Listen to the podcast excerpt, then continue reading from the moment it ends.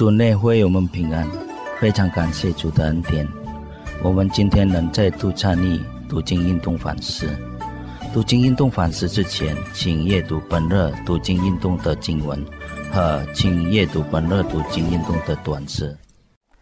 主内的弟兄姐妹平安。今天我们再次的来到神的面前，要预备我们的心来思想神的话语。我们要一起祷告。我们在天上的父，满心感谢你的恩典，再次给我们机会来聆听并思想神的话语。求主祝福今天的灵修内容，帮助我们能够通过今天的内容，提醒了我们所做的一切。求圣灵帮助我们明白神的旨意。我们祷告，奉靠主耶稣基督的名祈求，阿门。今天的读经运动反思主题是微小但有影响力。阅读经文取自于箴言第十章。有谁不害怕肠癌呢？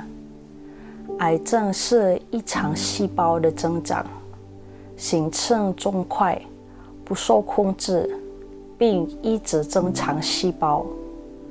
癌症可以从肺部。乳房、肠道或者血血液开始，然后扩散到全身。五分之一的男性和六分之一的女性会患上癌症。癌症是世界上第二大死亡的原因。一个小细胞可以生长，并对人类生活产生巨大影响。与癌症细胞类似的就是我们的口或者是头。口或者是头是一个小器官，但是它可以产生巨大的影响。口呢，可以吐出非常积极或非常消极影响的词。拥有如此巨大的影响，一直与口或石头。是圣经中最常被提到的身体器官。另外，造成水浑浊的主要原因不是水箱，而是水源。就像在箴言第十章里面所说：“一人的口像泉水一样，可以成为增强的祝福，像宝贵的因子。”骄阳多人，只剩智慧，令人喜悦；而恶人的言语包含邪恶、素质保坏、怨恨和拐谬。主耶稣在马太福音第十五章十八到十九节提到这个根源问题。唯独出口的是从心里发出来的，这才污秽人。因为从心里发出来的，有恶念、凶杀、奸淫、勾合、头道、妄自绑堵。如果我们的话语伤害了别人，首先需要检查的是我们内心的状态。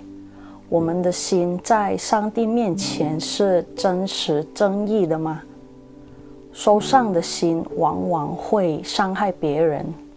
如果我们在上帝面前犯了错，我们的心理状态会从我们的话语从中清楚地表现出来。我们被诚意，不是因为我们的行为或言语。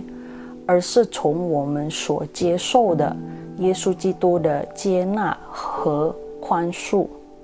正言书提醒我们有关那些无法克制言语的人的危险。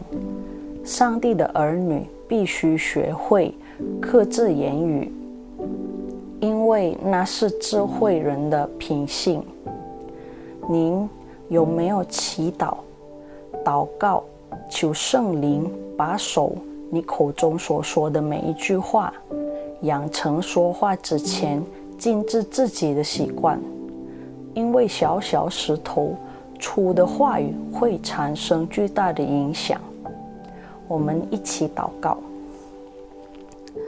主耶稣，感谢今天的反思内容，在我们的生活中不少伤害了别人，也伤害了上帝的心。通过今天的反思内容，我们又被提醒，以后要控制好自己所说的话。求主帮助我们养成禁止自己的习惯。感谢主耶稣。我们祷告，奉靠主耶稣基督的名祈求，阿门。上帝祝福你，我们下次再见，拜拜。